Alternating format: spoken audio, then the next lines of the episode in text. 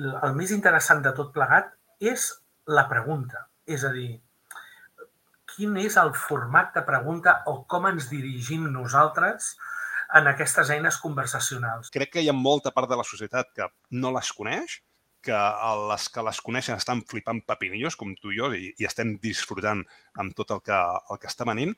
Aquest treballador, diguéssim, enginyer de, de Google, que el van fer fora precisament perquè va, va publicar de que eh, la intel·ligència artificial que estaven elaborant havia pres consciència de si mateixa. No?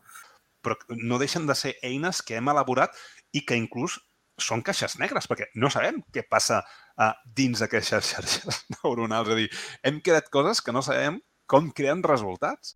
Has escoltat uns fragments de la conversa amb Miquel Àngel Prats sobre ChatGPT i la controvèrsia que ha generat a l'àmbit educatiu. Estàs escoltant el tercer episodi de la tercera temporada de Connecta amb Daniamo, un podcast sobre humanitat, tecnologia i privadesa produït amb la col·laboració del grup d'investigació Gretel de la Salle Campus Barcelona.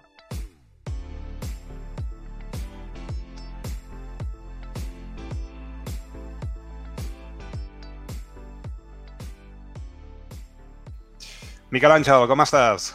Molt bé, bon dia, com estàs tu? Molt bé, escolta'm, no ens veiem des de l'episodi 7 de Connecta amb Daniamo, que sí, fora, fora, fora micros m'ha estat comentant la, la nostra vida com ha passat de ràpid i les coses que ens han passat i, i al final he tingut el, el, el podcast oblidat durant un any, però som-hi, tornem-hi i, i arrenquem i com no amb, amb tu davant d'aquesta nova arrencada que tenim coses molt interessants, no? Bueno, en primer lloc, un plaer. Moltíssimes gràcies per convidar-me. I sí, la veritat és que sí. I, i, i està, sent, està sent un període molt intens. I jo no sé, jo no sé tu, però, però jo almenys ho estic vivint així, eh, molt intens i molt apassionant. Eh, perquè setmana que passa, dia que passa, eh, jo estic molt enganxat en aquests moments a les xarxes a diferents, eh, a diferents eh, personatges que em van posant al dia una mica de, de les diferents eines eh, sobre intel·ligència artificial. Jo crec que és el gran, la gran estrella en aquests moments de, del, del què, no? I no només això, sinó també l'estupor en el que molt sovint els nostres companys de professió això també s'ho estan mirant, no? I, eh, i una mica l'altre dia sentia, em penso, en un article el propi mateix Bill Gates, en el que jo hi estic completament d'acord, no? Que deia que el que està succeint és semblant una mica al que va semblar l'aparició d'internet, no? Eh, com un punt d'inflexió. No? I jo no sé com ho estàs vivint, però jo gairebé et diria que de la mateixa manera, no? amb, amb descobrint aplicacions noves, descobrint, eh, en aquest cas, recursos que són capaços de fer veritables meravelles. Um, no sé, a casa només fan que anar-me sentint diu, on nom de... Mireu, mireu què fa això. O mireu, mireu què fa aquella altra aplicació, no? O sigui que, no, no, està sent un moment realment molt, molt, molt apassionant. És molt bèstia. Jo, jo m'estic passant teta uh, per, per col·locar, a veure, el, el, el títol de l'episodi portarà d'un xat GPT amb Miquel Àngel Prats, no? per suposat, i crec que a qui estigui escoltant doncs, ja sap de, de, de què volem parlar, no? d'aquest eh, Generative Pre-Trained Trainers, de la intel·ligència artificial, d'aquestes eines generatives no? I, i de com ho estan transformant tot. Sí que és cert, eh, jo, jo m'estic passant bomba en, en quant a com reacciona, sobretot el món d'educació, eh? és a dir, com està reaccionant sobre, sobre això, la societat com ho està eh, adoptant, que no ens enganyem, tu i jo ara mateix som aquests early adopters, els que ho estem entomant, i hi ha una gran part de la societat eh, que no, que no s'està enterant doncs, de, de què està passant. Mira, vaig fer una cerca eh, amb el Google Trends, que uh -huh. li pots posar els keywords i et diu quina és la, la tassa de, de cerca i d'interès sobre això. Uh, ChatGPT i GPT, que són aquest, aquests models d'intel·ligència artificial, no?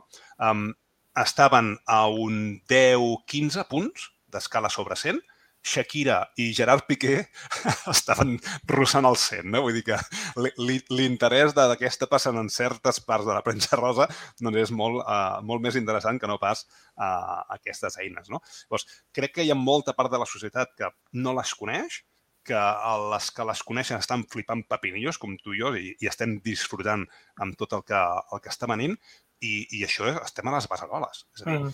uh, el canvi que està provocant, si bé és cert que, que Bill Gates ostres, um, està dient no? que és aquesta cinquena revolució, potser, no? és a dir, de, de com està canviant, uh, canviant tot, jo com ho veig és que el que està fent és reduir uh, tota aquesta redundància humana. No? Perquè al, al final què tenim? És a dir, tenim un web on hi estem penjant absolutament tot i el que ens fa aquesta tecnologia, sobretot el xat GPT, eh? les altres, el que ens permet és uh, uh, comprimir tot aquest coneixement que tenim humà en un zip i retornar-los doncs, eh, a algú creat eh, amb imatge, amb vídeo. No? Però quan li demanes coses textuals i preguntes i que et faci coses, et dona una única resposta. Mm. Ostres, això és superpoderós, perquè aquests cercadors eh, com Google, com Bing, que ara el té el xat GPT, no? Ostres, el Google que, o els cercadors de, de, del web, que no internet, que són dues coses diferents, eh? Ah, del web el que fa és et retorna un llistat de resultats ordenats per, eh, per importància, no? O sigui, per, uh -huh. per aquest eh, resultat algorítmic i, i, i impacte que, que, que, que té en el page rank i, i companyia, no? Però clar, et retorna un llistat. Llavors, tu has d'escollir, tu has de filtrar, tu has d'alguna forma eh, dir quin és el més relevant, no? En canvi, el xat GPT et torna una única resposta i a sobre ens agrada. No com, deies tu, com, com deies tu, ens deixa perplexos, no?, en Clar. aquella conversa de Twitter. Efectivament, no? la, la perplexitat jo crec que és molt elevada. I, i a banda d'això, eh, crec que és important també adonar-nos d'un tema que, que, que no és menor, que no és menor, i que i d'aquí poden sortir, jo crec que ho comentaves tu en una, en una piulada, eh, poden sortir professions noves. No? Eh, jo crec que el més interessant de tot plegat és la pregunta, és a dir, quin és el format de pregunta o com ens dirigim nosaltres en aquestes eines conversacionals, no? Perquè no és el mateix. Eh, o sigui, la manera en com et dirigeixes o eh, com formules o com acabes eh, d'alguna manera dirigint-te en, aquesta, en, aquesta, en aquest recurs. No? I aquí crec que l'experiència d'aprenentatge és molt interessant. Eh, pels que ens dediquem, a, en aquest cas, a l'àmbit educatiu, eh, jo els acabo dient als meus companys, escolteu home, és que aquestes eines no cal que els hi tinguem por, perquè ja hi havia el Rincón del Vago amb aquestes qüestions, o Wola, o Studoku. Per tant, mm, a més, molta, bona part dels nostres companys desconeixen que existeixen eh, aquestes eines on estan els seus propis apunts i les classes i etc. Eh? Per tant, diu, tot això ja hi és. Dic, ara bé, com podem utilitzar això de forma creativa a les nostres classes? Doncs escolteu és que mm, d'entrada aquestes eines ens ajuden a tenir un primer esborrany perquè després nosaltres puguem eh, posar-hi aquesta part humana. No? Per tant, home, si tenim present això i eduquem al voltant de, de no tenir res a tenir un primer esborrany, doncs jo crec que això és bàsic. Mm. Això una. I dos, aquesta part de dir eduquem en com fer la pregunta, eduquem en, la, en com formulem, en com precisem, en com treballem la conversa, per, perquè en el fons, eh, clar, a vegades la, la, el xat GPT i bona part dels que vindran poden ser molt literals, no? Eh, deixa'm posar-te un exemple molt divertit, molt divertit, que ens va passar l'altre dia, quan vaig posar l'exemple per Twitter sobre el fet de que podíem simular el fet de tenir una entrevista amb diferents personatges històrics, no? És a dir, una manera de poder tenir una, una vessant creativa de ChatGPT és que puguis tenir una conversa amb Jesucrist. I, i bueno, pels de Reli en aquests moments estan completament fascinats, no? I qui diu Jesucrist podia ser Moisès o Abraham. Eh, I ja deixo d'entrada, per exemple, si li demaneu a la ChatGPT que simuli ser en Franco o en Hitler, veureu que us respon. Aquí ho deixo. Aquí ho deixo. Eh? Cosa que és interessant també la resposta. Eh? Però en qualsevol cas, si jo li pregunto si ell pot simular la figura de Jesucrist, et dirà que no, perquè et diu que ell no és capaç de representar geomètricament o fer representacions geomètriques. Em va fer molta gràcia, perquè, clar, la figura, dius, oh, clar, eh, no és la figura, és el personatge. Per tant, reformula la pregunta, no t'està entenent. No és que no vulgui fer-ho, és que li has fet malament la pregunta. Per tant, pots simular el personatge de... i llavors t'ho fa. Sí, sí. Aquí crec que és el, el tuit que vaig dir, uh, la competència aquesta del prompt, prompt engineering, no?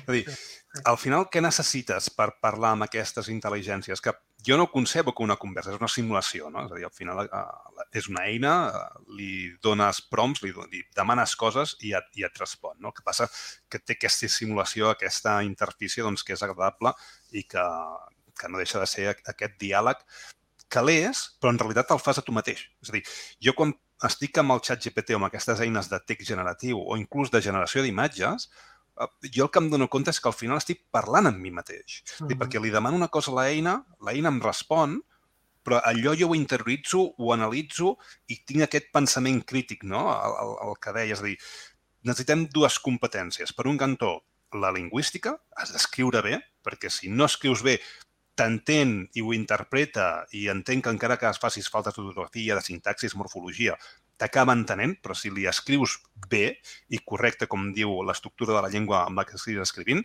t'entendrà millor Uh -huh. I sobre has de preguntar-li el, el que dius tu, és a dir, li has de preguntar bé exactament tenint en compte que és una intel·ligència artificial que està entrenada amb tots aquests eh, datasets i que pot fer algunes coses i algunes no, no. I després tenir aquest pensament crític, és a dir, que allò que t'està donant com tu ho acabes interpretant i quina és uh, aquesta resposta. Fixa't que crec que ara estem en, en, en aquesta corda del canvi, no? Uh, hi ha aquestes quatre fases, no? que és la, la negació, la, la resistència, no? aquesta exploració i, i, i l'acceptació. Crec que nosaltres estem en, en la part més de la corba ja cap a dalt, d'aquesta exploració i, i hem acceptat completament que això, com diu Microsoft, és el nostre copilot. De fet, jo ja no puc, no puc viure sense el xat GPT o sense aquestes eines, sí, no? Sí, passa el mateix. Jo ja el tinc, jo ja tinc eh, al costat de, de la pestanya de LinkedIn hi ha la de WhatsApp i al costat de la de WhatsApp hi ha la de ChatGPT. És a dir, ja sí, sí. Ha, ha entrat a, a formar part, diguéssim, de, de, del pipeline. De la, del, exacte, del workflow. De, exacte. De, del treball, no? és, és que és així, no? I quan més l'utilitzes, més te n'adones allà com a humà. Eh, no és que puguis anar més ràpid. On, on ets realment eh, l'element que ha d'estar i te n'adones a on el xat GPT o l'eina que sigui um, és on et pot substituir. No? Per exemple, uh, jo fa molt de temps vaig crear un plugin, de, vaig ser dels primers, és a dir, ara tenim en Jaume Feliu que ha fet el Corrubrics, uh -huh. aquest Corrubrics que és per al Google Drive, del Google eh, Workspace for Education, i vaig ser el primer que vaig crear el, el plugin Revision History Analytics. T'agafava tot eh, l'historial dels Words, els Excels de Google i et feia analítiques, no? Vaig trigar moltíssim en, en fer aquest. Vaig trigar com 3-4 setmanes en buscar les APIs de Google Drive, en buscar, etc etc, anar provant, coneixent. L'altre dia, el diumenge, mira, mentre la, la meva dona estava mirant la pel·lícula el diumenge, les meves filles entretingudes, i pa, vaig a preguntar-li a ChatGPT com ho faria i tal i cal. Renoi, tu, amb, amb 10-15 minuts ja ho vaig tenir llest. Si bé és cert que jo em vaig donar compte que, com que tenia aquest coneixement previ, vaig poder fer-ho en 10-15 minuts. Però és que, igualment, no hagués trigat tres setmanes en, en fer-ho. Potser hagués trigat doncs, mig dia, no? I, ostres, jo no vaig desenvolupar res. A mitjana que jo li anava demanant, ell anava canviant el codi. I, escolta'm, aquesta variable mou-la aquí. Ara no me la facis com a cadena, fes-me-la com a rai, no? Uh, si tens aquests coneixements, uh, pots començar a, a fer coses. Per descomptat, per descomptat que està clar que, que no deixa de ser com un, m'ha agradat molt aquest concepte del copilot, no? perquè no deixa de ser com un company o un assistent o un majordom, en aquest cas digital, que et pot assistir en qualsevol moment. Espera un moment, escolta, com faries això? Uh, o com si fos un, un doble teu, no? de dir, de dir escolta, com, com, com ho faries? Ara no tinc el cap ben... Ah, esclar, Clar, clar, clar. clar. Mira, mira, mira, mira com ho ha respost. No? El, el que acabes de dir és superpoderós.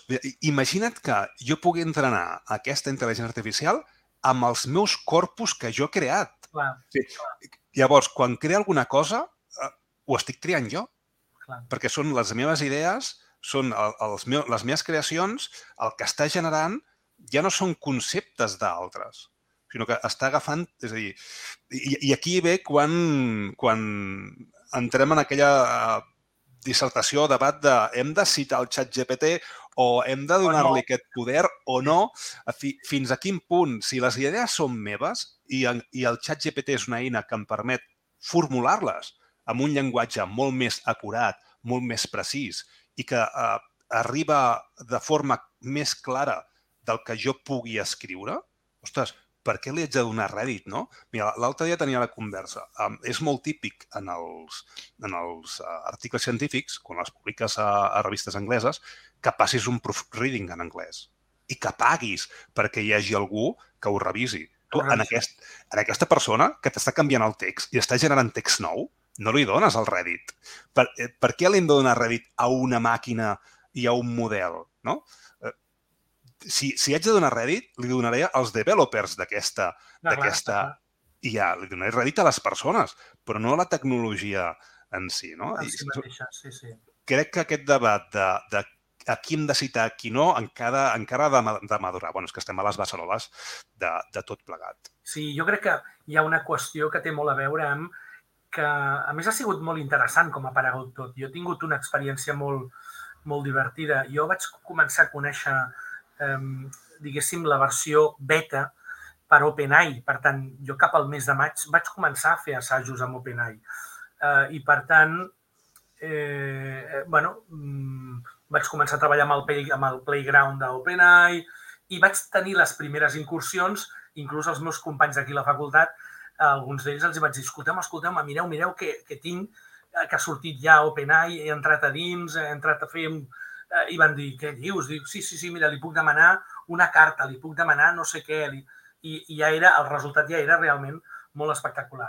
Tant va ser així que des de la revista de, de perspectiva escolar, em van demanar l'editorial del llibre de Viure en Digital i els hi vaig demanar una petita llicència molt divertida, que era que la pròpia editorial, com parlava de la Revolució 4.0, vaig demanar-li eh, a OpenAI, eh, lògic, que encara no es deia ChatGPT, eh, li vaig demanar que vaig posar Viure en Digital i ella em va fer un fragment. I aquest fragment el vaig polir una miqueta i el vaig posar dins de l'editorial. I al final de l'editorial vaig desvetllar. I el segon paràgraf no l'he fet jo, l'ha fet una, una intel·ligència artificial d'OpenAI. No? Um, ho dic perquè, és clar, tot això és molt, molt nou, és molt incipient. I si en dos mesos eh, estem veient això, imaginem-nos què pot arribar a passar directament d'aquí sigui d'aquí un any, si ens tornem a veure... En res, en res, en res. Exacte. Què, què, és el que, què és el que... Mira, uh, fa tres dies um, uns de Google amb Stanford van publicar un article, si no m'equivoco, eh, Google amb Stanford, um, que es diu Toolformers.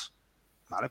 Google Scholar o on ho sigui, poses Toolformers i trobaràs el paper, on um, han entrenat aquestes uh, IAs perquè aprenguin a, a, a autoaprendre. Què vull dir amb això? Que elles mateixes detecten quan una dada pot ser susceptible a utilitzar-se amb una API. És a dir, el propi model es connecta a una API externa, recupera informació, per exemple, Wikipedia, per posar-hi més eh, informació detallada, concisa i precisa. Es connecta a Wolfram Alpha, perquè ja sabem que les, les eines de llenguatge natural doncs, no entenen molt bé les matemàtiques, entenen molt bé el que li estàs demanant, poden fer una dissertació, però són molt dolentes en càlculs matemàtics. Ho van millorant, no? Però ja està Wolfram Alpha per aquí darrere, que fa molt de temps que està i que vol connectar-ho. Ara ja ho pot fer. Llavors tenim un model de llenguatge que entén què li estàs demanant i pot acabar de contextualitzar amb molta precisió allò que està al voltant. Fer cerques a Google, fer cerques a Bing, fer cerques a Wikipedia, agafar una pàgina que tingui receptes de cuina i... És a dir, automàticament aquest article deixa i desbanca a Bing i ChatGPT i el deixa en un cantó, perquè les pròpies eines són capaces de, de, de fer aquestes cerques. No? Uh, deixa'm tornar a, a educació i com estic veient jo que pot transformar aquesta pedagogia. No? És a dir, quan, quan vaig començar a veure què és el que els alumnes podien fer, de fet, en el, en el 2021, agost, agost-octubre del 2021, quan ja va sortir el copilot del GitHub, és a dir, uh -huh. aquest, aquest, eh, aquesta intel·ligència artificial per developers, estava feta amb el GPT-2, que era el model antic el xat GPT. Allà ens van tornar pojos tots els informàtics perquè, ostres, m'està codificant allò que li estic demanant per comentaris. Fes-me una funció que printi els 10 primers números. Fes una funció amb aquesta complexitat i te la, i te la feia. I des del 2021 que els estudiants d'enginyeria, de qualsevol enginyeria, ja l'estan fent servir i el problema que ara estem veient des de fa dos mesos ja fa temps que, que, que està allà, no?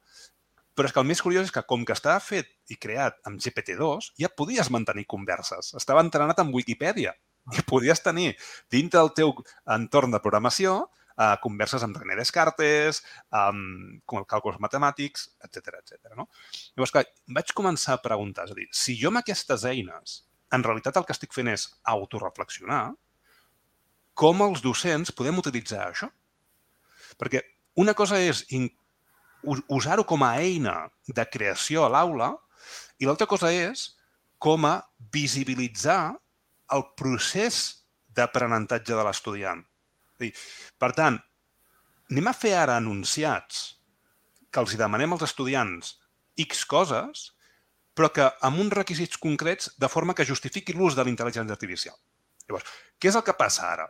Podem avaluar i qualificar, que són dues coses diferents, no? És a dir, aquesta eina, o sigui, aquest resultat final que, que, que em dona l'estudiant, l'entrega de, la, de la tasca, però, a més a més, podem veure, si li demanem, no? a no ser que desenvolupem una eina que ho integri amb Moodle i companyia, i que ja, ja, que ja hi estem treballant, uh, li podem demanar la conversa. I aquí podem veure com l'estudiant està preguntant, un impuls, fent, desfent, de quina forma està pensant, creant i com li està demanant, en quin punt l'estudiant estan en coneixement. Comença a preguntar a uh, ChatGPT, uh, què és aquest concepte? no he entès això, com m'ho està fent, uh, de quina forma l'estudiant està uh, interactuant amb l'eina, jo crec per nosaltres això és super. Sí, sí, totalment, totalment. I no només això, sinó que imagina't que les pròpies eines mateixes, és a dir, Moodle mateix, eh, ara com a tal, eh, li has de, és, és bastant, no és que sigui complex, però li has de demanar tu exactament una mica tot el tema de la traçabilitat. No? Però imagina't que poguéssim incorporar en aquest sentit eh, aquest tipus de xat GPT orientador de manera que eh, tant pel profe com per l'alumne, no? És a dir, eh, el mateix eh, assistent pogués dir-li escolta'm, que et falta no sé què, no sé què, no sé quantos, eh? Vigila que tens aquest exercici que no l'has resolt i se t'acaba el termini. Escolta'm, això pot ser, en primer lloc, pot ser molt potent, molt potent, perquè poses l'eina una mica al teu servei i ja no és un entorn fred en el que hi ha quatre PDFs i hi ha quatre, sinó que és un entorn que es personalitza molt a nivell de dir, escolta'm, estic al teu servei, però fixa't que tens això. Vigila perquè segons el que he vist en el teu calendari tens eh, eh, o sigui, l'entrenament de bàsquet i si això no ho fas, no o sigui, hòstia, eh, d'entrada això t'esclata el cervell. I en segon lloc de cara al profe, que també et pugui dir, escolta, sembla ser que el Dani, el Miquel, l'Anna i el Sergi eh, estan seguint molt bé el mòdul 3, però hi ha gent que està encallada en el mòdul 2 per tant, alguna cosa passa en el, en el mòduls que no... O sigui, com i de quina manera també utilitzant aquest tipus d'assistent en intel·ligència artificial també són capaços d'acabar tenint aquest feedback, eh, diguéssim, de procés. No? Això jo crec que és extremadament eh, molt potent. No? El moment que ho, ho afegim directament, en aquest cas, doncs, en els entorns, a les plataformes i tot plegat, eh, buf, o sigui, buf. Rebenta. És, és absolutament un altre nivell. Si sentiu sorolls és perquè m'han tancat el llum i vaig jo veig, jo veig que t'has quedat a les sí, fosques. Sí. Ara, ara. Ja, ja hi som, tu. No sé per què. Aquestes coses automàtiques que passen... Això deu haver sigut el xat GPT que ens està, ens està trolejant. I deu dir, aquests dos estan ja confabulant contra mi. No? És que... Ara, parlem digues, de ChatGPT, però eh, alternativament a ChatGPT també estan començant a sortir al seu voltant tot un seguit d'eines que almenys a mi m'estan deixant eh, completament esturat. Eh, I, ostres, mm, et quedes completament eh, allò que es diu, això, com posaven a la piulada, no? Eh, perplex, no? A la mateixa, a la, el mateix buscador sí, sí. de Perplexity, no? Eh, la manera en com és capaç de respondre i posar-te les citacions directament de la cerca, no? Mm, un que vam estar parlant amb en Genís Roca i que li vaig dir, Genís, dic, és que aquest porto ja unes, un, parell o tres de dies treballant amb ell i m'encanta, no? que es diu tutorai.me. Eh, no sé si has pogut veure'l, però et munta perfectament eh, tot un bloc a partir del que tu vulguis aprendre. I no només això, sinó també les lliçons. Et munta l'horitzontal i la vertical. I a més ben fetes. Mm, o sigui, mm, no deixa... Ah, és que el que acabem de fer, eh? i fixa que en tot el, els salts, aquestes revolucions en la història de la humanitat, el, el que fem, calculadora, Wikipedia, uh, Google, um, mòbil, el que estem fent és comprimir el coneixement humà i fotre'l dins d'aquella d'allò. És a dir, el, el poses dins de forma literal o hi pots accedir des de dins de forma literal. No? L'iPhone et permetia doncs, accedir a moltes coses. El Google et permetria accedir a moltíssimes coses. No? La Wikipedia, doncs, exactament el mateix. Això el que, el que fa és t'agafo tot el que hi ha de forma molt concreta i quan m'ho demanes, t'ho plasmo de forma molt organitzada. No? Perquè tinc el coneixement i ho puc fer. És el que comentava abans, no? és a dir, aquesta aquest verbose, redundància, abundància. Ara, jo he creat un nou, un nou nom que es diu rebundància, no? És a dir, és redundante, verboso i abundante. O sigui, tot això d'aquí ho hem comprimit i hem fotut dins d'aquests models d'intel·ligència artificial. No? Ara fixa que ha sortit uh, un estudi en el que aquests models tenen memòria. Molt poca, però en tenen, no? I han aconseguit extreure les imatges originals de les que han après aquestes generadores d'imatges, Midjourney, Stable Diffusion i, i companyia. No?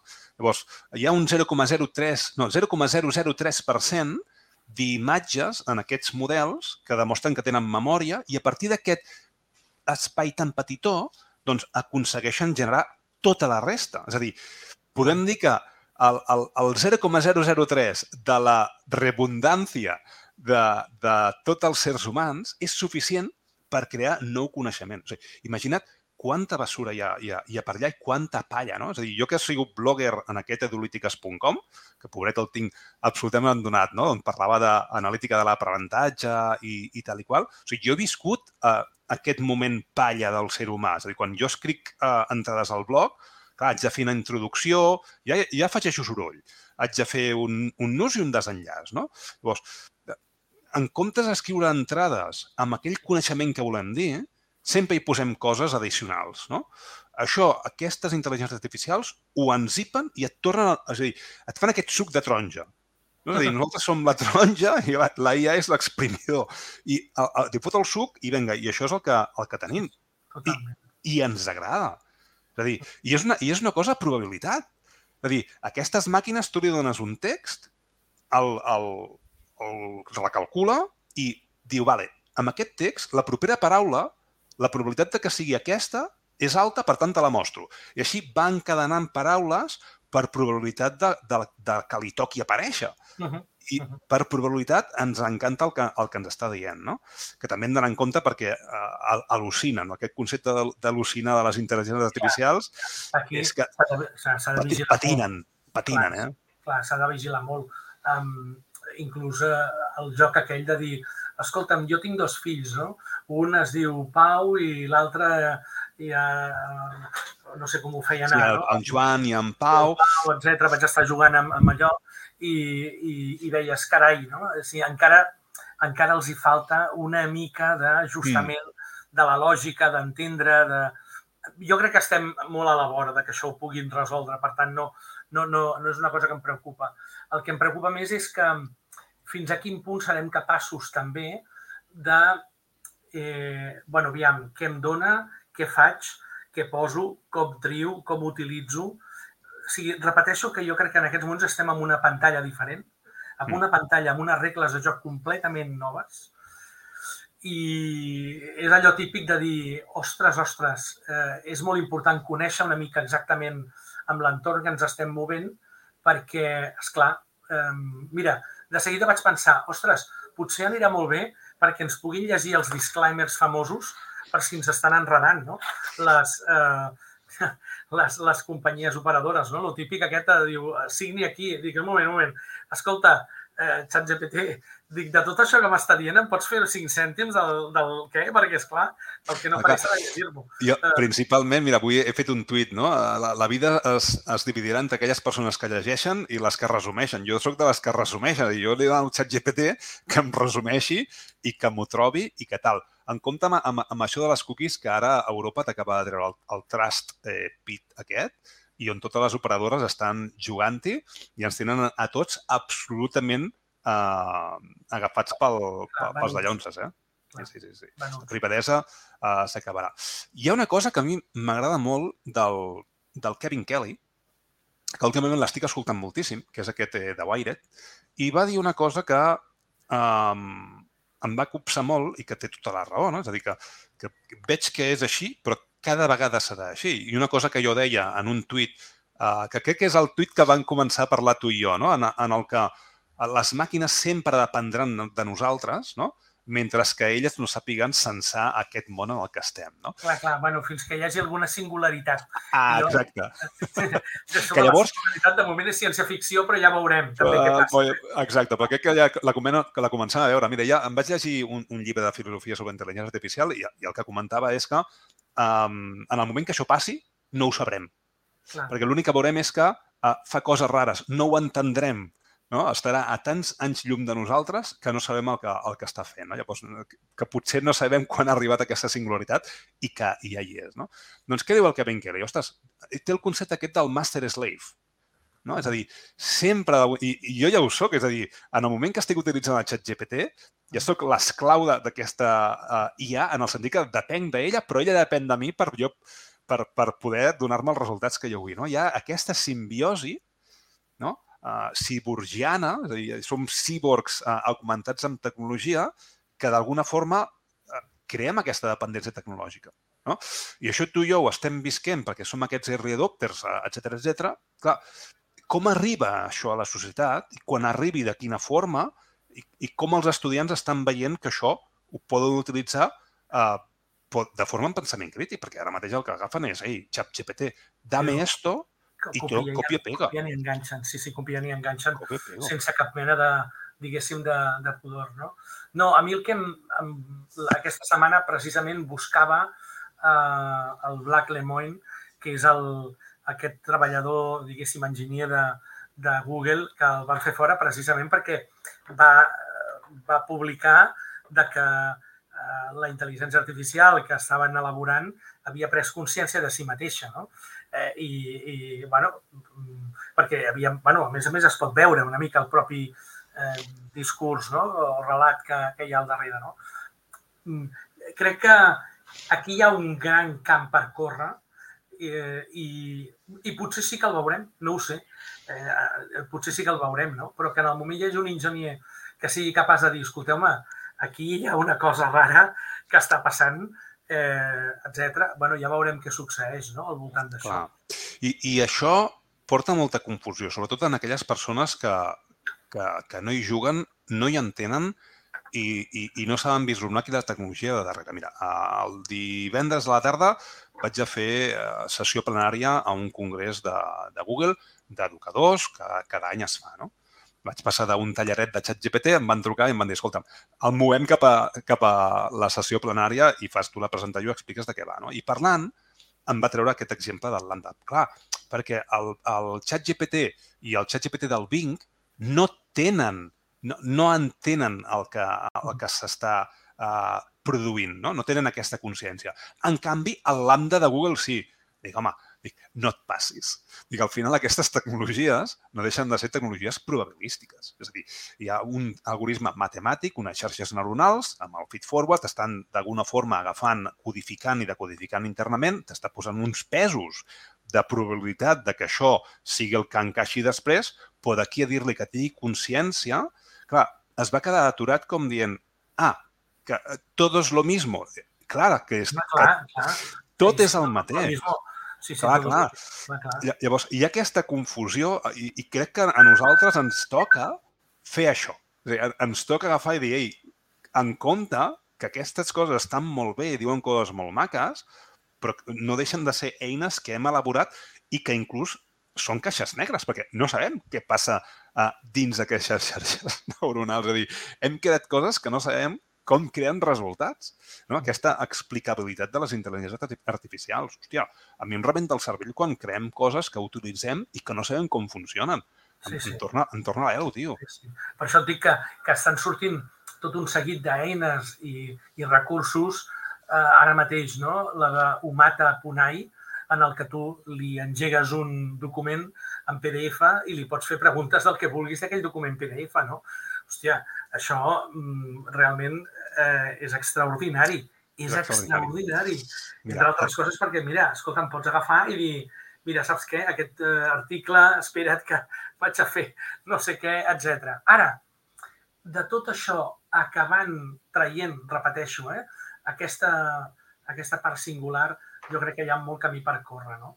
Uh, I després hi ha una qüestió que també crec que és important eh, parlar-ne de tot el tema ètic que hi ha al darrere, no? de tota la vessant ètica, de tota la vessant més aviat de regulació al voltant de totes aquestes eines, no? com es regulen, com s'utilitzen, eh, quina és la manera de poder-les portar a terme, sobretot en l'àmbit educatiu, no?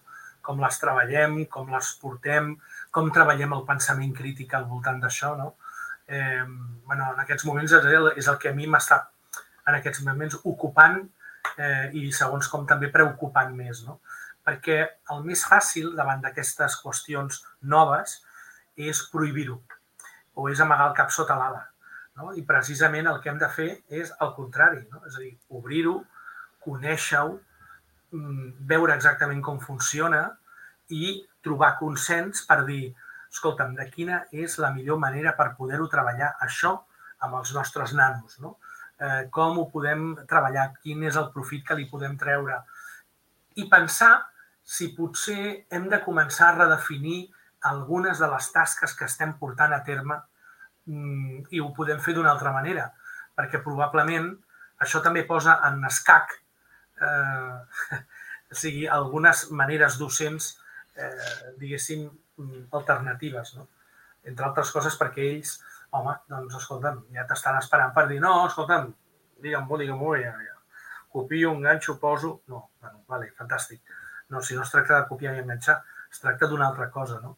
Per tant, jo crec que aquí ens cal molta, molta sensibilització al voltant d'aquestes Sí. qüestions, no? Sí, hi ha, hi, ha, hi ha, a més a més, molta por, molta desconeixença i a vegades també la, la desconeixença fa la valentia. No? I, I això ens, ens pot portar a una roda que d'alguna forma faci més, més mal que bé. No? Mira, jo amb el tema de- d'ètica i sabent que hi ha hagut molts, um, moltes persones humanes de Kènia netejant aquesta intel·ligència artificial com ChatGPT per eh, eliminar la toxicitat i que el primer món pugui gaudir d'una intel·ligència artificial neta, no? Hi ha només aquests costos humans, perquè bé no ho han passat netejant tota la brutícia humana, Ja, doncs ja, ja és, ja és per, per plantejar-s'ho, no? Uh, I en temes d'educació estic molt, molt d'acord amb, el- amb el que dius. Eh? Automàticament hi ha moltes pedagogies eh, que han quedat uh, obsoletes en el sentit de que això ens, ens potencia més que ens limita. O sigui, crec que d'alguna manera uh, ens donen més eines de reflexió que no pas uh, més eines de, de refracció, no? és a dir, de, de separació. I, I justament per la xerrada del, del divendres, el que estic fent és cercar què deia el món educatiu quan va sortir la calculadora, quan va sortir Wikipedia, com va sortir Google, no? I inicialment tot, tota aquesta tecnologia són amenaces. No? És a dir, ei, això és dolent, amaguem el cap, fem com l'estrus eh, i, i ja passarà. No? Enfonsem el cap en el terra i, i no, que això tal. Però, en canvi, llavors comença la nostra part, no? aquesta recerca, aquesta divulgació, aquest, ei, que podem fer les coses en una aliança molt maca, no? amb aquest copilot, hòstia, um, cal que hi treballem, eh, tio. Que... Doncs, Dani, escolta'm, tinc una, una vinyeta que et pot anar que et pot anar perfectament perquè quan va aparèixer l'avió o quan va aparèixer el ferrocarril o quan va aparèixer fins i tot la tele, eh, tinc una vinyeta, ja te la, mira, te l'enviaré. Ah, passa-me-la, ja me l'enviaré. La poso segur. Sí, sí, t'encantarà perquè és la, és la reacció de sentiment d'amenaça que tenen les persones davant d'alguna cosa nova. I que, a mm. més, et surt fins i tot la, la, l'expressió, no? Ja te la, te, la, te la faré arribar perquè Guai. la faig servir sovint per començar a dir que la tecnologia ha vingut per quedar-se, no? I precisament eh, eh la gràcia és veure això, no? És a dir, l'oportunitat eh, de, fet, de el, el que... De, de fet, jo sempre dic que els automatismes ens faran lliures i, i estic esperant el moment de marxar a la platja i que els robots treballin per mi, no? Quan dic platja vol dir dedicar-me a les meves coses no? i fer a, aquestes històries. Miquel Àngel, espero aquesta vinyeta. Se'ns acaba el temps. Ens hem promès doncs, a aquesta horeta i escaig que sortirà doncs, d'episodi doncs, uns 40 minuts i vale, poc. Sentir-te per mi és un luxe. Molt bé, uh, tenir al teu costat també. Igualment, tio. Escolta'm, farem una trobada grupal que la vaig prometre. Molt bé. I ens ho passarem bé, ajudant amb altres persones. Perfecte, doncs escolta, genial. Uh, busco, busco la, la vinyeta i te l'envio perquè sé que t'encantarà, ja ho veuràs. Fantàstic. Gràcies, Miquel Àngel. Una abraçada, que vagi molt bé. Ara.